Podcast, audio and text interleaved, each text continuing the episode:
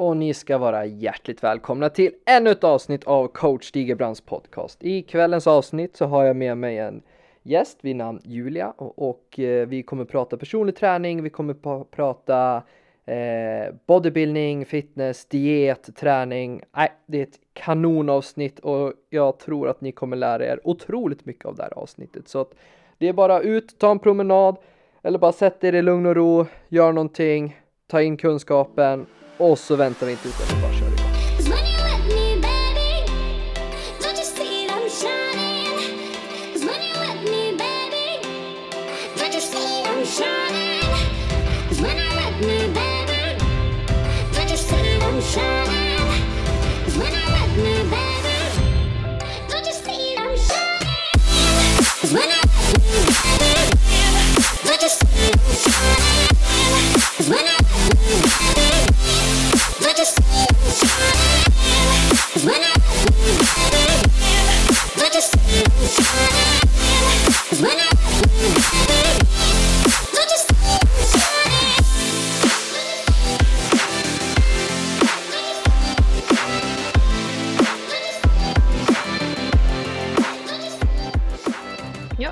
ska vi se.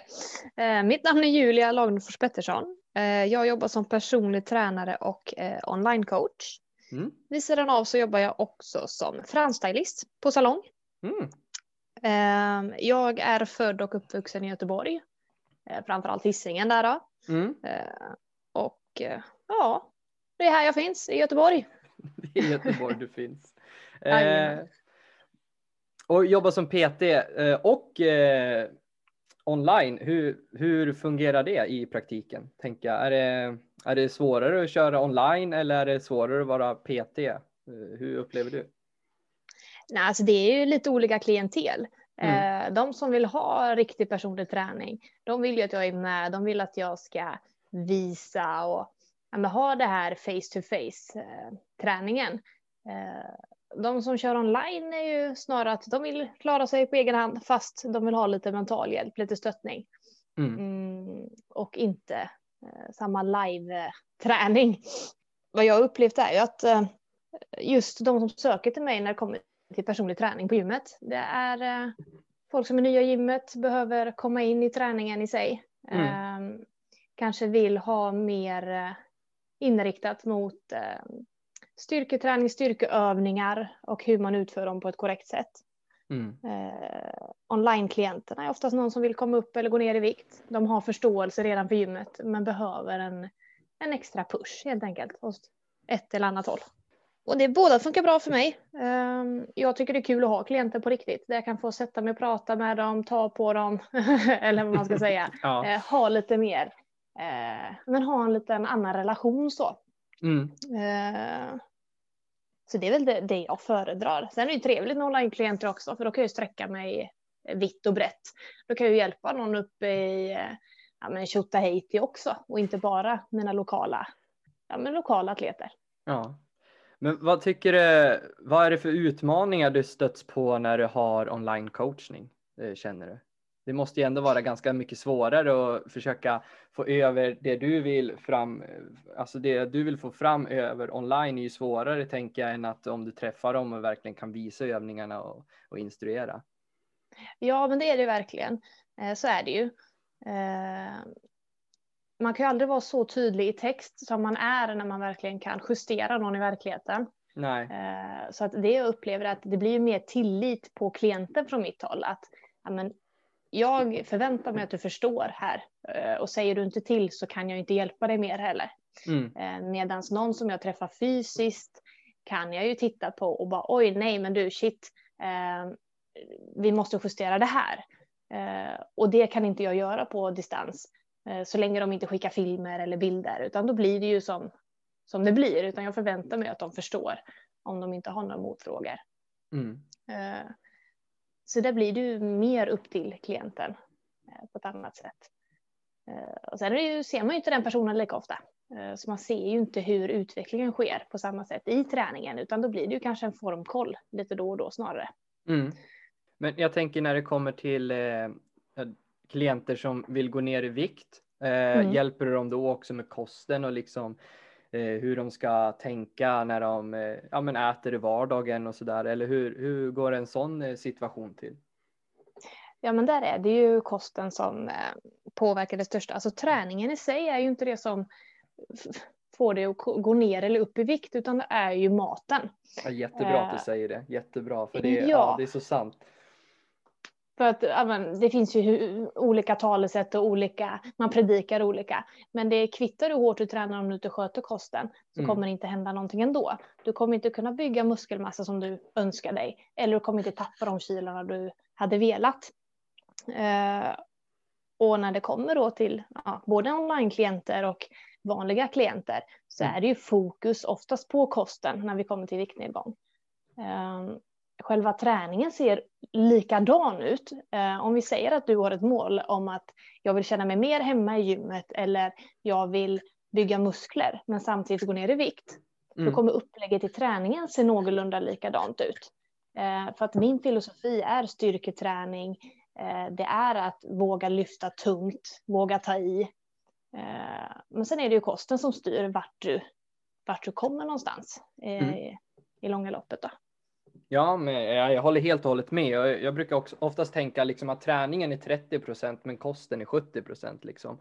Att träningen är ju oftast ett redskap, är bara ett redskap, men att det är kosten som styr vart du, vart du är på väg. Det är den som är Precis. faran. Precis, för även om du då kan förbränna olika mycket kalorier beroende på hur länge och hur mycket du tränar, jada, jada, jada. Det är ju mycket svårare att styra och ha kontroll och veta där. Då är det bättre, eller alltså då har du ju kosten där du kan styra kaloriintag, du kan styra fördelningen i din kost eh, och då få väldigt tydliga riktlinjer eh, och därefter anpassa träningen. Mm. Men har du några klienter som eh, går emot någon ja, men, fitnesstävling eller är det liksom vanliga Svensson så att säga som du har? I dagsläget så har jag bara eh, vanliga eh, Svenssons. Mm. Eh, Jag själv har precis klivit av en tävlingsdiet och det är ju svårt att coacha någon som också ska tävla då, tycker jag. Mm. Ja. För då hamnar ju fokuset på den klienten istället för mig. Så att just nu är det ju bara Svenssons. Eh, Sådana som vill gå upp i vikt eller gå ner i vikt, vill bli lite bättre på det ena eller det andra. Mm. Och det är ju oftast mitt vanliga klientel ser ut så. Ja. Men exakt. Eh, vad, vad har du gått för utbildning? Eh, Jag gick intensiv PTs, eh, PT-utbildning. Mm. Eh, Jag nämligen eh, jobbar ju heltid och gör lite annat vid sidan av och sånt där. Så Mm. att det, för mig fanns det inte möjlighet att ha någon längre utbildning eller där jag måste ta mig någonstans. Eh, intensiv PT sker ju allt online. Eh, så man sitter ju hemma, det sker kvällstid så att det var lätt att planera in liksom i vardagen. Mm. Eh, Så via dem har jag fått en internationell licens eh, som personlig tränare och jag har ju ett, en tilläggsutbildning som mammatränare. Då. Mm.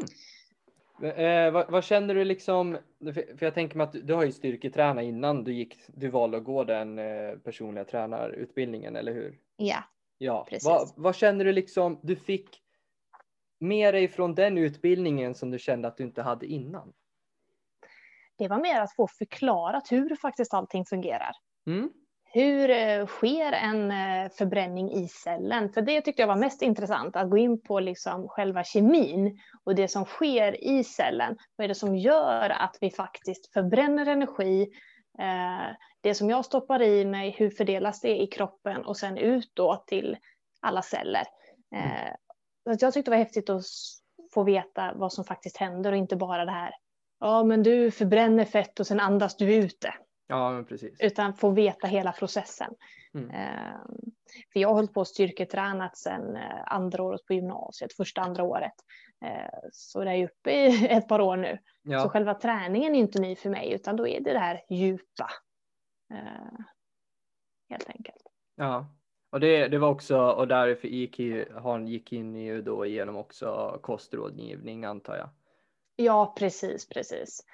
Eh, lite olika hur man bör äta beroende på vad man gör, bra och dåliga grejer. Mm. eller nu finns det ju inga direkta dåliga saker utan det har ju med mängden att göra hela tiden. Ja. Men vad som är normalt och inte och vad man bör sträva efter beroende på mål och så. Ja, Ja, men det är ju det är också det, det är ju det liksom. Har du styrka, har du styrketränat tillräckligt länge och gå, alltså du kommer ganska långt med all information som du hittar, alltså i vanliga styrketräningsböcker och på Youtube och det där. Men det är just precis som det du säger, att just det här djupgående med hur kroppen använder sig av ja, med kolhydrater, fett och protein och liksom vad den gör med bra fetter och snabba kolhydrater kontra långsamma kolhydrater. Det är ju det som är det trixiga i det hela. Ja, för även om du har ett eget intresse så kanske inte du förstår eh, om du inte får någon som utbildar dig i allting. Nej. Eh, du kan läsa på en vetenskaplig text och vara eh, helt obeläst, men du kommer inte förstå någonting. så att där var det rätt kul att då man sitter och tror att man kan väldigt mycket. Eh, men så är det liksom, du är ju långt ifrån färdigutbildad och man blir ju aldrig klar i sin utbildning egentligen. Det är intressant att veta vad som sker bakom och hur man kan påverka allting. Mm. Ja, ja men exakt. Men eh, det är ju som du nämnde, du hade ju precis, eh, jag har ju sett att du är en eh, IFB-atlet. Skulle inte du kunna liksom lite kortfattat förklara, vad innebär det? Eh, ja, jag tävlar ju för IFBB. Eh, det är ju ett bodybuildingförbund, kroppsbyggare helt enkelt. Mm. Eh, och det fungerar som vilket annat förbund i Sverige inom idrott. Eh, själva tävlingssatsningen är ju eh, speciell på det sättet att vi tävlar ju i princip en eller två gånger vartannat år mm. för att det är en så pass slitsam sport så du kan inte eh, som i en fotbollsmatch göra någonting varje vecka eller ha en kupper flera gånger om året, utan det blir en till två gånger vartannat år, för mer mm. eh, klarar inte kroppen av. Eh, och min plan detta året var ju att tävla på SM eh, som skulle gått. Eh, mm. För, ska vi se, fjärde till femte december här. Eh, men på grund av pandemin så ställdes det in.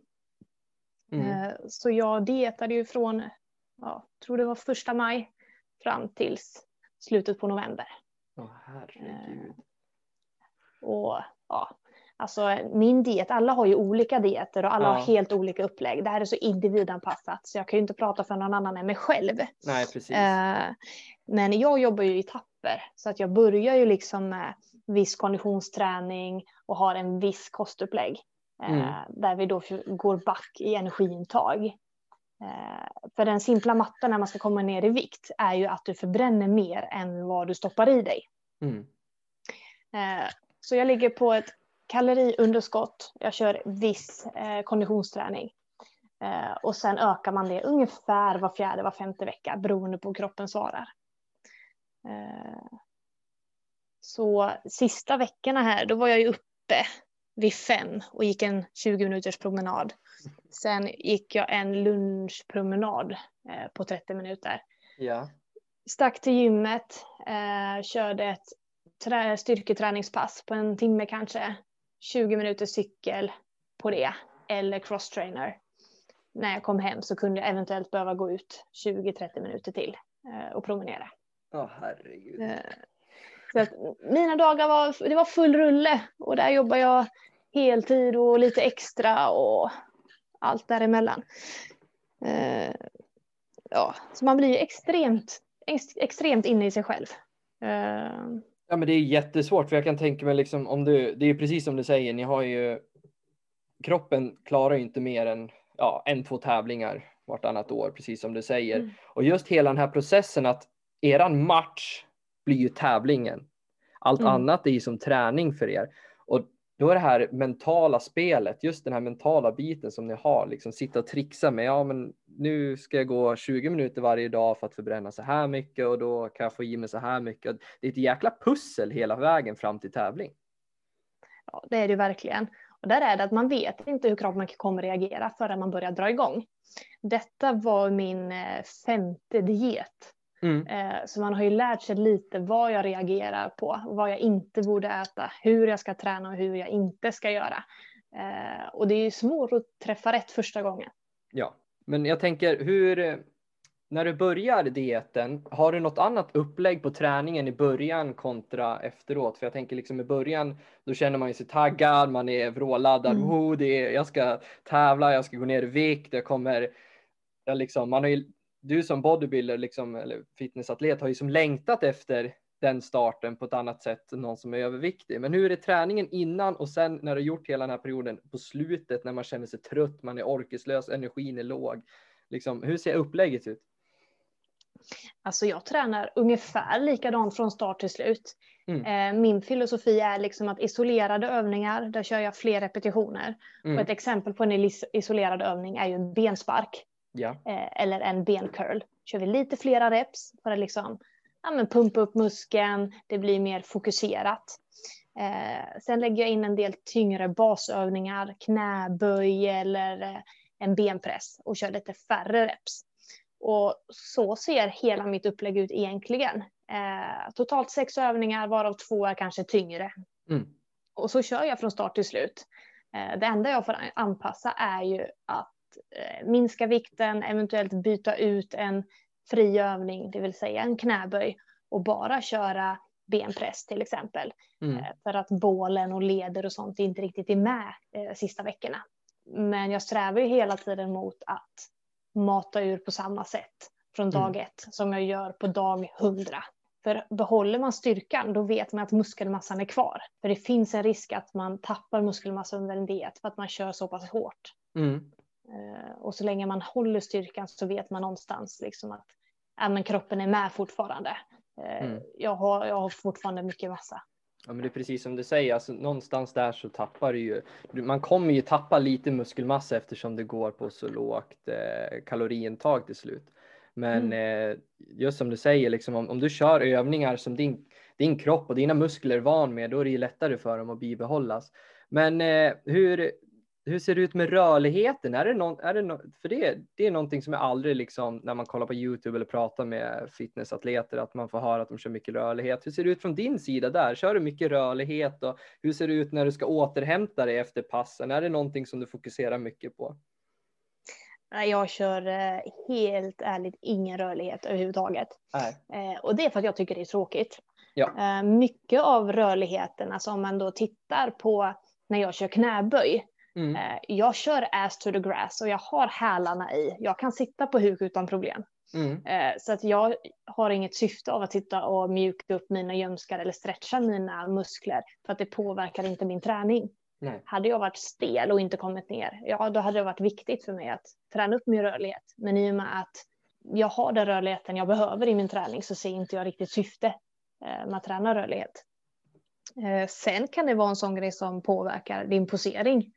Um, är man stel i axlar eller stel i höfter, då kan det vara svårt att vrida upp din posering eller vrida upp dig i poser ordentligt. Mm. Och då kan du ju tappa eh, poäng för att du inte riktigt ja, men får till det 110 procent.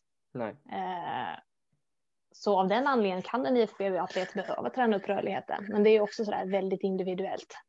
Men jag tänker det, det är som en kamp med det mentala hela vägen. Hur liksom övertygar du dig själv att du är inne på rätt väg? För, för när man ser sig själv varje dag liksom i spegeln, det tar ju så otroligt lång tid för sig själv att kunna se skillnad. Så har du någon bredvid dig som en tränare som hjälper dig eller kör all in själv? Eller hur ser det ut? Jag tar faktiskt hjälp av en yttre coach också. Ja. Eh, jag har gamla ätstörningsproblem. Mm. Och för att jag inte ska hamna i någon problematik igen så ser jag till att jag har ögon utifrån. Mm. Eh, där jag skickar bilder, vikt och bara släpper bågen liksom. Att här har du bilder, här har du min vikt och nu vill inte jag veta mer om det. Eh, på så sätt så slipper jag känna någon press och hets mot mig själv. Mm. Eh, och jag slipper hamna i något eh, bösträsk igen. Men alltså själva motivationen till eh, hela dieten, alltså Visst, det kan slacka vissa dagar, mm. Eh, men när det kommer till den här sortens sport så kan du inte förlita dig på att vara motiverad, utan det handlar om disciplin. Jag mm. vet att jag har 30 veckor jag ska hålla på. Det är bara att räkna ner, det är bara att bita ihop och de dagarna det känns skit, ja men då är det bara att bita ihop lite till. Mm. Ja, men jag tycker det är jätte, jättebra att liksom, du tar upp det där med ätstörning. Liksom, jag har ju själv försökt ja, men, hållit igång med diet och provat mig fram och själv lidit av en ätstörning. Så det är ju, det är, och jag tror det är ett väldigt problematiskt område i den här sporten. Man märker ju ofta att det är många som lider av ätstörning och det blir som en ett litet hets när det kommer till att ja, men jag såg ut så här förut och så sen ska man börja våga bulka upp. Och eh, det, som du sa nu att du är på, jag tror att du är igång med din off season nu, eller hur? Ja, precis, precis. Ja, och då är det ju svårt liksom att för man är obekväm när man bulkar upp. Man får lite extra kärleksantag och så där. Och det är ju en process i sig och det, jag tycker det är jättebra att liksom du, du har hittat en lösning på det problemet och att du, du idag kan hantera det på ett väldigt bra sätt. Det tar tid att lära känna kroppen. Ehm, eh, förut så, eh, mina första dieter, det var ett rent helskotta, eller helvete, det var inte kul Nej. överhuvudtaget. Eh, och det har tagit mig fem dieter att äh, förstå.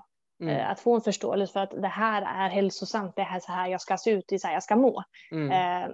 De andra dieterna har jag haft någon vid sidan av en stund efter också för att jag måste ha någon att bolla med och känna att jag duger. Liksom. Jag måste höra att någon säger att det är okej okay att jag mår dåligt. Ja. Men de senaste två åren så har jag själv hittat en balans.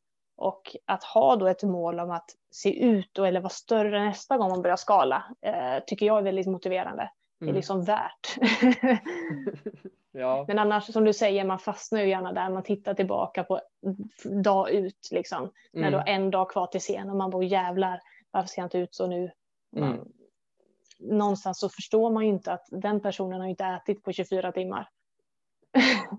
Nej, nej men precis och det, det är liksom det man måste förstå är att man, man, kan tycka att det du gör, alltså du, du äter ju bara bra mat tror jag när du har din diet eh, mm. och eh, man kanske tittar på det där och bara gud vad hon äter hälsosamt. Men eh, det är ju precis som en annan, vilken annan elitidrottare som helst. Elitidrott är inte hälsosamt och när det kommer till slutet på din diet då tror jag inte heller att man skulle kunna säga att det är hälsosamt utan det är ju väldigt, väldigt krävande. Precis, och det, det som du säger, vilken elitidrott som helst, mot slutet så mår man inte bra. Ingen ja. mår bra egentligen. Och att man ska inte sträva efter de sista sex veckorna på en satsning. För att där är det mentalt tufft, där mår kroppen skit, där kommer det vara jobbigt. Och det är många som glömmer bort den biten. Mm. Jag vet, ja, men... jag satt och pratade på jobbet och då var det liksom, ja, ja nej, men jag har ju tappat 10 kilo. Och de bara, du är helt dum i huvudet, vart har de tagit vägen? Är du, liksom, ska, är du sjuk eller? Ja, ja nej. nej det är jag inte. Men jag ska inte vara 10 kilo lätt. Jag ska ha dem egentligen, men inte nu. Nej, exakt. Nu har, du, nu har du ett annat mål framför dig. Så det, då blir Precis. Det. Eh, men jag tänker, du har gjort fem dieter nu. Är det någonting som du känner, alltså, det låter ju, jag vet ju att du har bra koll på hur det fungerar med kosten och så här, men har du på de här fem dieterna kommit, hittat ett, någonting eh, unikt som du känner verkligen fungerar för dig? Liksom om du tänker att ja, men ja, jag skippar gröten helt och hållet fast förmodligen varenda bodybuilder i hela världen äter det. Eller är det, no eller är det någonting annat som du känner liksom, men jag, jag, jag går emot strömmen och kör den här, det här istället? Oh, bra fråga. Alltså det är ju det här, alla, är, alla är ju verkligen olika och jag ja. diskuterar väldigt sällan diet med någon annan. Mm. Det är nog snarare ja, att på off-season eller när man ska unna sig så undviker jag det här normen. Alltså mm. jag hatar gröt, det är det värsta jag vet. på off-season, det är så här, jag förstår inte hur de kan ha liksom den här stora grötskålen och så, så ska de ha massa bars i och nötter och nötsmör och tjofräs. De har liksom blandat ner allt de hittar i mm. skafferiet. Mm. Nej tack, jag kräks på gröt. Enda mm. gången jag tycker det är gott det är under en diet. Ja. Det är sådär typiskt fitness, men man ska bara älska sin havregrynsgröt och du ska ha allt du äger i den. Nej, nej fan. Alltså off season kan jag trycka i mig mackor. Det är inte mer eller mindre ohälsosamt så länge det är samma innehåll i det. Nej. Men jag tycker alltså 60, 60 gram gröt och 60 gram macka, vad fasen det är. Ja men, man, ja men precis, men om du tittar på gröt så är inte det heller så hälsosamt. Alltså hälsosamt. Det innehåller ju inte så mycket vitaminer eller så, utan det är ju mest bara att det, jag tror alla äter det för att det fyller magen. Alltså att det, liksom man får en bra start på dagen med kolhydrater och fiber. Men om du tittar så är det inte jättemycket vitaminer utan du måste ju slänga på bär och eh, ja, men, mjölk och liksom sånt där för att kunna få de här bra vitaminerna. Så att, gröt mot en macka, ja, har du rätt bröd så kan du få i dig bra mer vitaminer via ett bröd. Ja men precis, det är det lite folk snubblar över. Bara för att man äter en mängd bra mat. Men jag äter ju så himla bra, varför går jag inte ner i vikt? Eller liksom, ja. varför mår jag inte bra? Ja men du tror ju att det är bra grejer, men du vet ju inte vad som är bra med det. Som mm. du säger, gröt äter man ju för att det är bukfyllande. Ja. Men jag kanske hellre äter knäckemackor i samma mängd. För att ja. jag tycker det är godare. Jag kan fortfarande gå ner i vikt på det. Ja. Sen väljer jag att äta gröt på min diet för att det är lätt att göra. Det är liksom en skopa, lite vatten, in i mikron, färdigt och så vet jag att jag håller mig ett par timmar. Mm. Men om jag nu ska äta för att gå upp i vikt, varför ska jag äta någonting jag tycker är äckligt? Mm. Och jag är lite, nu har jag ju eh, tagit fram, jag har två eh, receptböcker eller vad man ska säga. Mm eh, där det är färdiga scheman. En för mm. kille, en för tjej. Mål i viktnedgång och det som är i böckerna det är tacos, det är min variant av en äppelpaj, alltså det är liksom vanlig mat eller vanliga sötsaker. Mm. Men gjorda på rätt sätt och de är anpassade efter rätt portionsstorlek. Mm. Och det är liksom, följer du det här och tränar ett visst antal eh, timmar i veckan, då kommer du gå ner i vikt. Du kan äta en jäkla varm macka liksom. Ja. Det är ju bara mängden det beror på. Ja, ja, det är så bra att du säger det, för det är så viktigt. Alltså folk tror ju liksom att ja, men jag ska börja en diet, ja då är det sallad. Eller det första man gör det är ju alla kolhydrater ska bort. Ja, okej. Okay. Ja, hur, hur, kommer du må? Hur kom, tror du att din träning kommer gå till slut? Har du tryckt i dig snabba kolhydrater och socker och allting så ska, bara, ska du bara ta bort alla på en och samma gång. Ja, men du kommer ju gå in i väggen efter tre dagar. Ja, och det är ingen som håller det. Du kanske tappar jättemycket vikt i två veckor för att du tappar vätska. Ja. Men tredje veckan kommer du ge fan i att äta allt du ser istället och så går du upp dubbelt så mycket och så mår du ännu mm. sämre. Ja. Eh, jag predikar inte för någon viss diet. Vissa älskar ju LCHF eller keto eller mm. fasta eller vad det kan vara. Jag är mer håll din kaloribalans, ät vad du tycker är gott, kör. Mm. Alltså, mm. För då kommer du kunna hålla det istället för en vecka, en månad, kommer du kunna hålla det i år. Mm. Du kommer må bättre. Och då vet du att men, måndag till fredag äter jag så här mycket. Mm. Lördag, söndag lägger jag på extra, byter ut eller vad det kan vara. Ja. Resultatet kommer du få ändå och du kommer ju må mycket bättre och det kommer att ske långsiktigt. Ja men precis och det, det är så roligt för du och jag, vi är ju en helt annan bransch. För liksom du, du är ju en, eh, med dig själv då såklart, inte med dina kunder, men med dig själv så är ju du och jag en helt annan bransch. För du, du vill ju få ner viktnedgång, så du tänker ju på dieten på ett annat sätt. Jag jobbar med eh, hockeyspelare och eh, folk som liksom ska prestera hela tiden och då, gäller, då har man ju en helt annan diet, för mina får ju inte ligga i kaloriunderskott. För då har de inte tillräckligt med energi för att kunna prestera på två ispass om dagen och sedan vara fullt påladdade för en match. Utan för oss så måste vi tänka lite annorlunda och då slänger man in en godisbit kanske i, inför sista perioden inför en hockeymatch för att få upp det här sista humöret och få upp lite socker i blodet och få till den här hjärnfrekvensen. Så det är ju det som är det intressanta med kosten. Liksom man kan trolla och använda det på alla olika möjliga sätt. Ja men precis, det finns ju folk i min sport som har med sig godis på gymmet och trycker i sig det här av samma anledning. De vill mm. kunna kräma ut det sista, de vill få in liksom, energi snabbt för att mm. kunna ja, men, prestera. Och det, det, är ju av samma anledning. Och det är det, det finns inget som är farligt. Socker är inte farligt Nej. tills det blir för mycket. Det är också en kolhydrat. Det är bara mm. att du får liksom tänka till lite mer. Mm. Men använder du dig av något sånt här dietknep? Liksom? För det, det finns ju uh, vissa studier som säger att ja, man ska ta alla kolhydrater innan sin träning och sen efter träning så ska man inte använda sig av någon kolhydrat tills man går och lägger sig och sen på morgonen igen. Eller är du sån som tar med en proteinshake och trycker i det direkt efter träningen? Hur, hur ser det ut för dig? Har du något sånt där tips som du använder dig av? Nej, alltså jag kör väldigt jämn fördelning. Jag vill mm. gärna ha mycket kolhydrater in, inför ett pass, men jag ja. vill inte ha allting direkt innan, utan då kör jag, har jag ett eftermid, en eftermiddagsträning, typ vid mm. 3-4 tiden, då har jag kolhydrater till frukost, kolhydrater till mellanmål, kolhydrater till mm. lunch och sen har jag ofta snabba kolhydrater i min shake mm. eh, i form av maltodextrin mm. eh, som jag dricker under passet.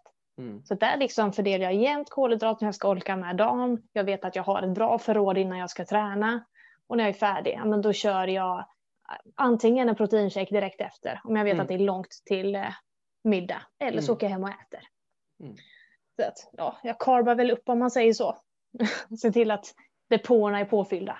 Ja men precis och framförallt du som har den här ja, men, träningsfilosofin att du vill lyfta tungt, då kommer du behöva kolhydraterna för att du ska kunna lyfta tungt.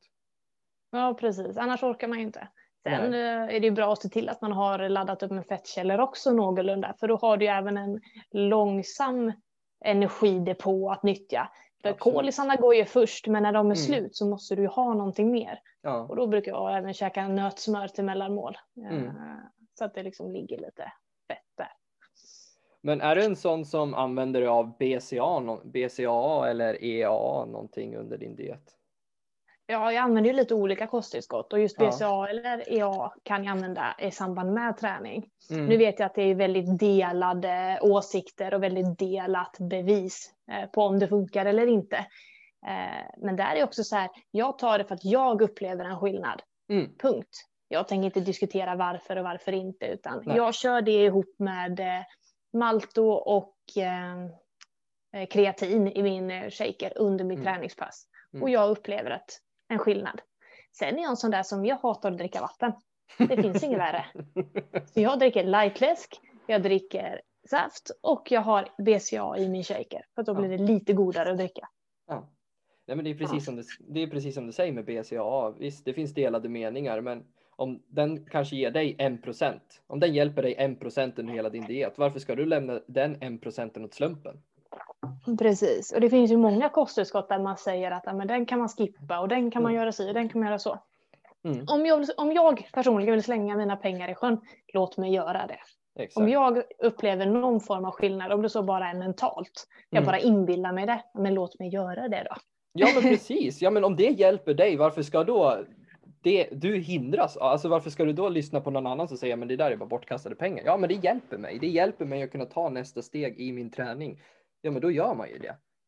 Precis, och sen tar man det kanske av olika skäl. Nu är inte jag vegan eller vegetarian. Nej. Men är man någon som inte får i sig tillräckligt med aminosyra, det vill säga att man undviker animaliska produkter, mm. då kan det vara skitbra eller viktigt att få i sig BCA eller EA.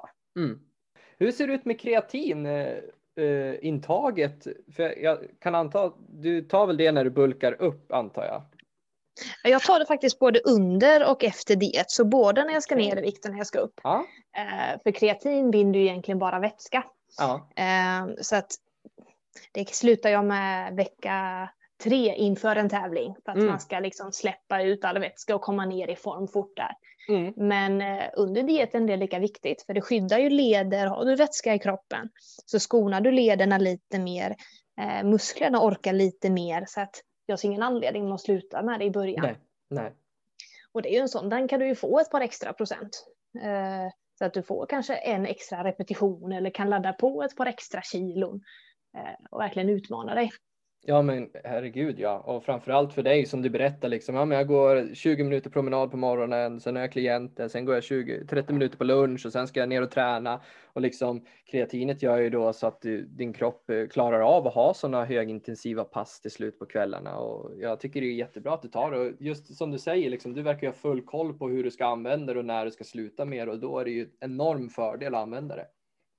Ja, precis. Och det är en sån grej jag kan rekommendera till vem som helst. Vill man bygga muskler, vill att det ska ske lite fortare eller man vill bara öka sin prestation i gymmet.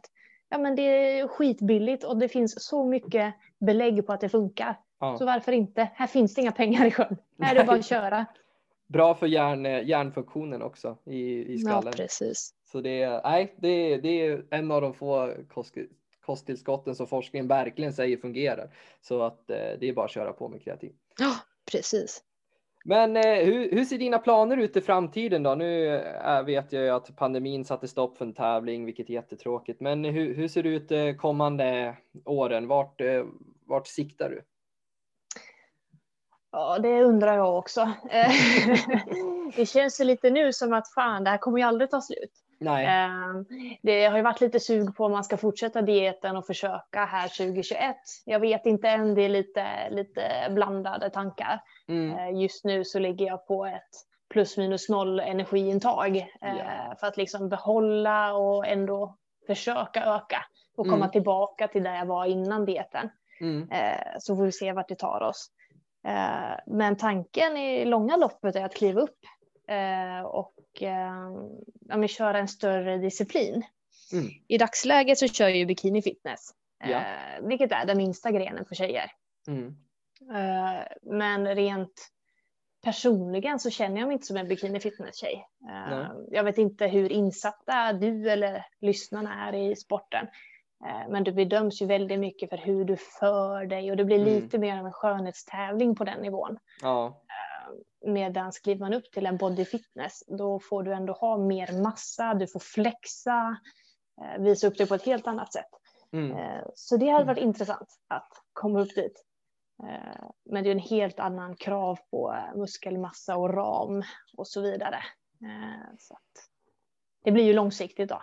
Ja, Ja men precis. Ja men det är ju, det är ju liksom, man tänker, ja men som du berättar, den klassen du kör nu, bikini fitness, det är, det är liksom, som du säger, man ska framföra sig på ett visst sätt och det får inte vara för mycket muskler medan nästa nivå blir ju att då ska man ha väldigt mycket massa och då blir poseringen ett helt annat sätt för då gäller det verkligen med poseringen att kunna fram, alltså kunna visa musklerna. Det är ju det det handlar om. Du ska kunna visa alla muskler du har lagt på dig och eh, hur det ser ut. Och är du då dålig på posering, ja, men då, då tappar du jättemånga poäng och då blir ju det, då blir det jätteavgörande. Ja, precis. Och det är ju det här med de första grenarna. Det gäller ju killarna också. Bikini fitness och mäns fysik. Du ska gå upp där. Tanken är att du ska ha liksom en eh, vad ska man säga, strandfysik. Mm. Du ska vara muskulös men det ska vara väldigt casual. Eh, du behöver inte vara jättehård och när du spänner dig så ska det inte se ut som att du spänner dig utan du är där uppe och liksom chillar på livet lite grann. Ja. Eh, medan de större grenarna, ja men då är det ut med latsen, spänna biceps, spänna pexen. Alltså det blir ju en helt annan, en helt annan gas liksom. Mm. Eh, så det hade varit kul att få kliva upp. Det här var ju mitt sista juniorår så att det blir mm. mycket tuffare framöver. Ja. Eh, då får jag ju möta de som har tränat dubbelt så länge, om inte ännu mer. Mm. Eh, så att det blir tufft. Ja, det blir tufft, men det är ju. Det blir tufft. Som sagt, vem, vem älskar inte en utmaning? Ja, precis. Och det är ju det här med att det är en långsiktig, hela tävlingsprocessen, allting, allting är mm. så långsiktigt. Ja. Och det är rätt skönt att veta att jag behöver ju inte stressa fram några resultat. Nej. Eh, och det går inte att stressa fram några resultat. Så man får bara se till att ha roligt på vägen. Så är det absolut. Eh, och när jag inte dietar, när jag är på min off-season, då är fokus oftast då styrkan, se till att utmana mig själv där. Jag älskar mm. att köra tunga knäböj, jag älskar att köra tunga marklyft, jag älskar att köra tunga bänkpressar. Och då blir det att jaga lite vikter och vara det här, men lite viktkåt på det hela. Mm. ja, ja man måste ju ha lite roligt på gymmet och det är jätteviktigt för liksom har du inte roligt, ja men då, då, är ju, då vill man inte tillbaka, då blir det inget bra, då får man inga resultat heller. Nej, precis, då slutar du sträva framåt, då går ju där som ett jävla spöke. Mm. Ja men gud vad roligt. Jaha, ja men då, då får vi se vart, vart du tar vägen då. Ja, precis. med det hela. Så hoppas vi att den här pandemin lägger sig så vi får så vi får några tävlingar och allting blir som normalt igen.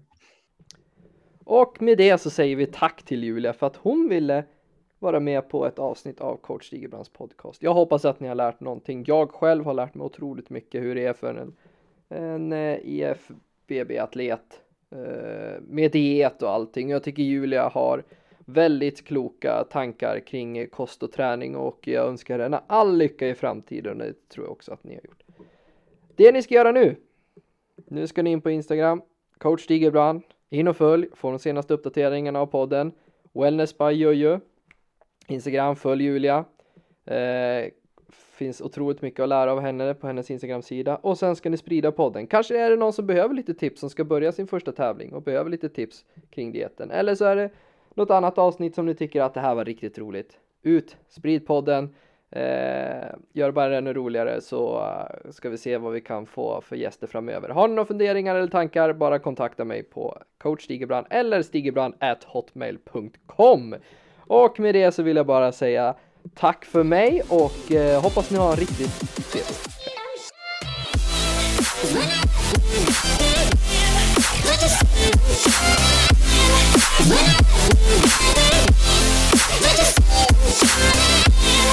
let What? What?